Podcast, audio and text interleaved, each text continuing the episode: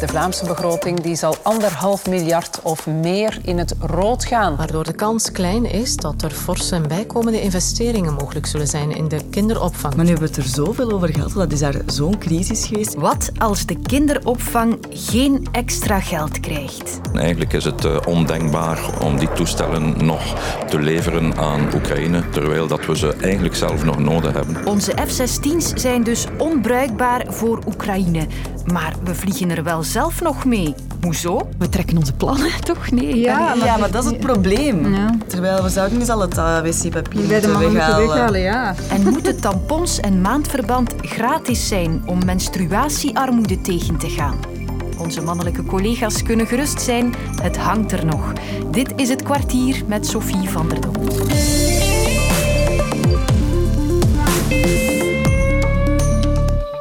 September, dat betekent een nieuw schooljaar en voor de politici ook een maand van cijfers en Excel-tabellen. Want dan moeten ze weer naar de begroting kijken en de in- en uitkomsten in balans proberen te houden. De echte gesprekken moeten nog beginnen, maar Vlaams minister van Begroting Matthias Diependalen van N-VA wil de verwachtingen van de coalitiepartners al downsizen. We moeten af van de idee dat we elk probleem alleen maar kunnen oplossen met extra geld. Eventueel is er extra geld nodig, maar we kunnen ook andere zaken doen. Als je bijvoorbeeld weet dat de subsidie bij, bij, kinderen op de groepsopvang tot acht keer meer uh, is dan, dan, dan de gezinsopvang, dan weet je dat daar een scheeftrekking in zit. En zo zijn er nog zaken waar we een keer moeten naar kijken uh, om te zien of dat we inderdaad niet meer resultaat kunnen hebben met dezelfde centen. Conclusie, extra geld voor de kinderopvang. Het kan misschien, maar de discussie zal hard gevoerd worden. Toch opvallend, want de crisis in de kinderopvang heeft het nieuws en de politiek maandenlang beheerst. Even horen wat daarachter zit bij onze collega van de politieke redactie, Lonne van Hepp. Het is opvallend, maar het is niet helemaal onverwacht natuurlijk, want Diependalen is de minister van Begroting en zijn job is om die begroting onder controle te houden. Zijn partij, de N-VA, vindt dat ook heel belangrijk. Dat steken ze niet onder stoelen of banken. Nu, omdat de Vlamingen de laatste tijd minder woningen kopen en omdat de woningprijzen ook zakken, worden er ook minder registratierechten betaald. En dat betekent dat er minder inkomsten zijn voor de overheid. En dat heeft dan weer een impact op hoeveel er nog uitgegeven kan worden. En Diependalen wil dus de verwachtingen voor de begrotingsgesprekken wat temperen. Zeker omdat sommigen vooraf al hadden aangegeven dat ze extra budget zouden vragen. En dan kom je terecht bij Hilde Krevits, de minister van Welzijn en vice-minister-president voor CD&V. Want zij wil bijvoorbeeld extra geld voor de kinderopvang. Oké, maar er zijn veel domeinen toch waar je op zou kunnen besparen. Waarom pikt de minister er dan net die veelgeplaagde kinderopvang uit? Ja, dat moet je natuurlijk een beetje kaderen binnen die spanningen in de Vlaamse regering. Want het botert al een tijdje niet meer tussen de NVA en CD&V. Denk aan die stikstofcrisis bijvoorbeeld en de ruzie aan het begin van de zomer. En dat Diependalen de kinderopvang en de CD&V nu in het vizier neemt, is dus geen toeval. Al zegt de minister zelf wel dat zijn oproep aan heel de regering gericht is en dus aan alle ministers. In deze situatie, hoe gaat CD&V zich dan opstellen? Wel, de partij had eerder al bekendgemaakt dat ze op termijn naar een budget van 2 miljard euro willen gaan voor de kinderopvang. Wat meer is dan een verdubbeling van het budget voor de hele sector. Nu, die woordjes op termijn zijn wel belangrijk, want bij CD&V hoor ik dat ze ook wel beseffen dat zoiets niet in één keer kan. En dat ze dus ook niet verwachten dat er bij de begrotingsgesprekken eind deze maand meteen 1 miljard wordt vrijgemaakt. Maar er is wel degelijk een serieus extra budget nodig voor de sector, dat benadrukken ze ook. En er wordt dus nog gewerkt aan een concreet plan, maar hoeveel ze precies op tafel zullen leggen binnenkort, dat is nog niet duidelijk. Nog even afwachten dus wat er uiteindelijk precies beslist zal worden. Intussen zullen veel kinderdagverblijven en kinderbegeleiders dit nieuws met een dubbel gevoel gevolgd hebben. Ik was helemaal bezig met andere dingen deze ochtend, dus ik, ik had nog geen nieuws gezien. En ik was wel een beetje verrast uh, om te horen dat het toch niet gemakkelijk zou worden voor de kinderopvang om uh, ja, substantiële middelen te krijgen de komende jaren. Na alles wat er eigenlijk gebeurd is en ook na alles wat het wetenschappelijk onderzoek daarover vertelt. Je hoort Jochen de Vliegeren, expert gezinspedagogiek aan de Universiteit Gent. Wat denkt hij dat er gaat gebeuren als de kinderopvang toch geen extra geld krijgt? Als we kijken naar wat we nodig hebben, wat het onderzoek, wetenschappelijk onderzoek ook zegt, wat we nodig hebben in de kinderopvang, dan komt het neer op investeringen. Investeringen om het aantal kinderen per begeleider naar beneden te halen, om de mensen te professionaliseren en investeringen om ja, de onderinvesteringen die de voorbije jaren toch wel zijn gebeurd, ondanks de moeite die men wel doet, maar de structurele onderinvestering van de kinderopvang, om die op te lossen, ja, daarvoor heb je middelen nodig.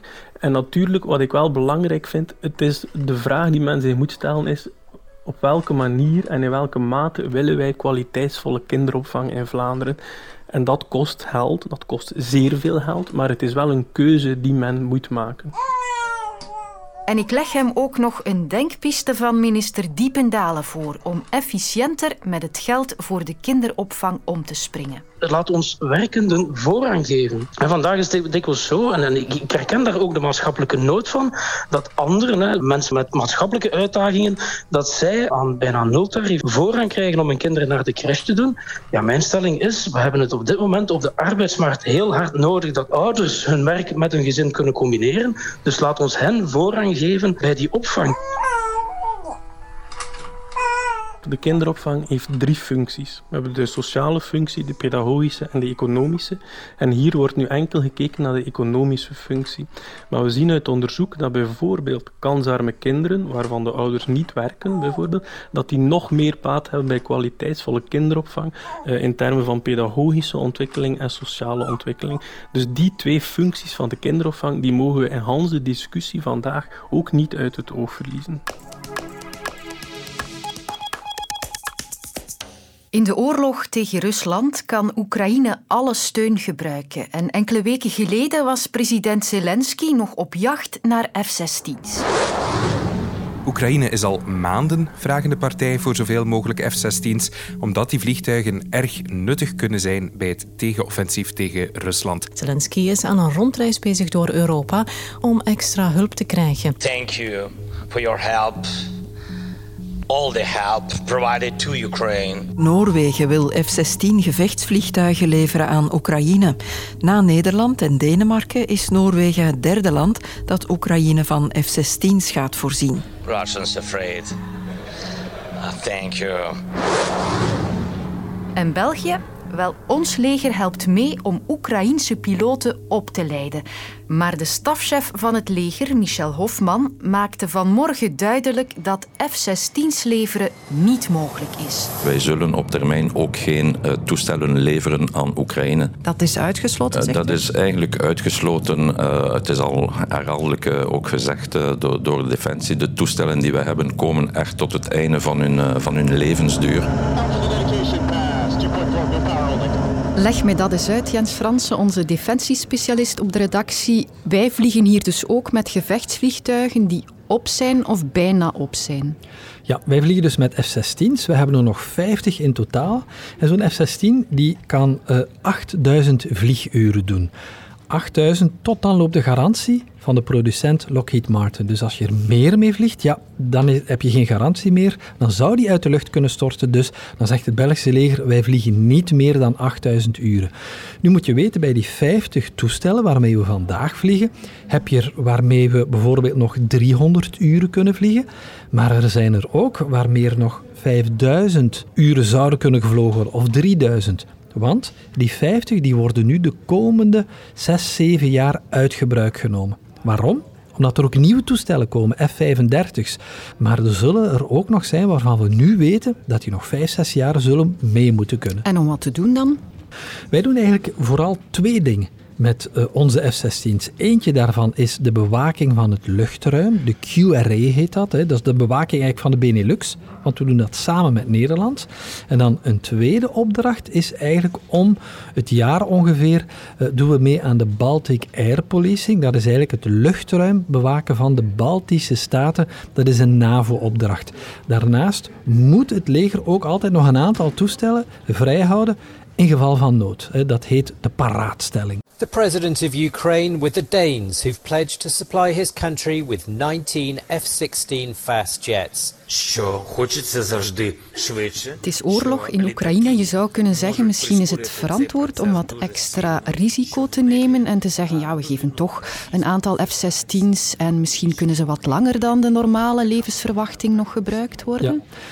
Het leger zegt, kijk, met alle opdrachten die we moeten doen, en met de toestellen die we hebben en de resterende vlieguren die we de komende jaren gaan hebben, zitten we eigenlijk al vol. Hè? Want we moeten ook piloten kunnen opleiden en, en anderen. En ja, dan gaan we al die resterende vlieguren moeten opgebruiken. Dus de conclusie is, wij kunnen de Oekraïners niet helpen? We kunnen de Oekraïners niet, niet helpen, zegt Defensie. Maar natuurlijk, je zou aan die vele knoppen overal natuurlijk wel een beetje kunnen gaan draaien. Je zou bijvoorbeeld kunnen vragen aan Nederland, kijk, kunnen jullie nu, hè, want Nederland heeft al meer nieuwe gevechtstoestellen van die F-35's, bij ons moeten die nog geleverd worden. Je zou aan Nederland kunnen gaan vragen, kunnen jullie nu eens zes maanden extra die luchtbewaking overnemen van ons. Wij zullen dat dan later wel weer goed maken. En dan creëer je natuurlijk wel ruimte. Maar voor alle duidelijkheid, dat is een politieke beslissing. Maar zomaar zeggen, het is absoluut onmogelijk om de komende jaren geen Belgische F-16's naar Oekraïne te sturen, dat geloof ik niet. Er is wel een achterpoortje, duidelijk. Dankjewel, Jens. Vanmorgen was er een actie aan het kabinet van minister van Volksgezondheid Frank van den Broeke. Wij komen vandaag aankloppen, in eerste instantie bij minister van den Broeke, omdat we graag wat meer actie willen zien rond menstruatiearmoede.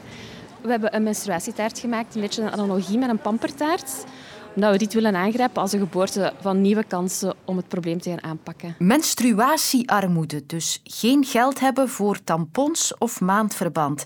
Daarover ging het ook op onze redactievergadering van morgen. Want ja, we waren met drie vrouwen. Waarom ligt dat niet gewoon overal op alle toiletten gratis? Waarom? ik zie geen enkel argument. Geld. Heb jij er een? Dat kost helemaal niet zoveel. Denk je bij die gratis automaten die er komen, denk ik dat het ook meisjes, vrouwen gebruiken die eigenlijk het zelf... Maar jij gebruikt ook wc-papier en je kunt dat ook zelf betalen. Wat is dat nu? Ik heb er een expert bij gehaald. Ik ben Hanna Gerards en ik werk voor Brussel. En Brussel um, strijdt sinds 2016 tegen menstruatiearmoede. En onze verschillende blik op de zaak aan haar voorgelegd.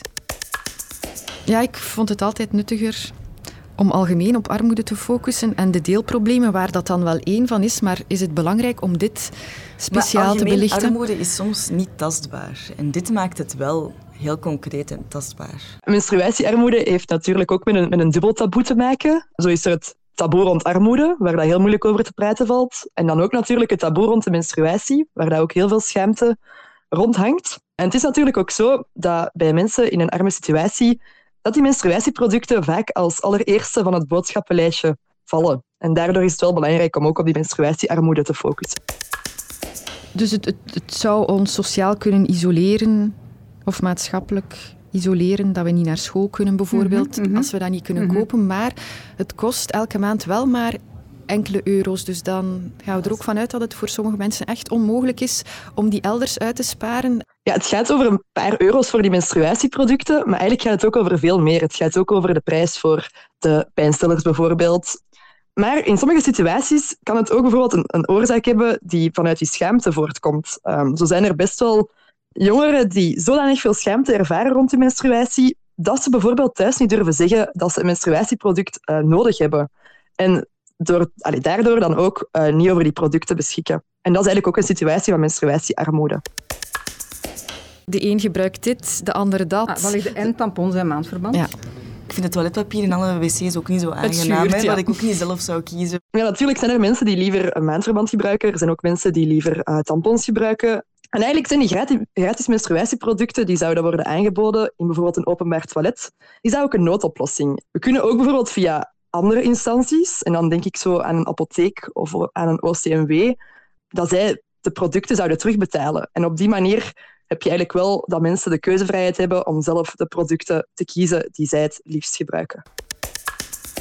Ik was op de trouw van mijn nichtje en op het toilet stond deodorant en maandverband. Oh, ik dacht, maar dat is zo sympathiek. Ik vind ja? echt super tof.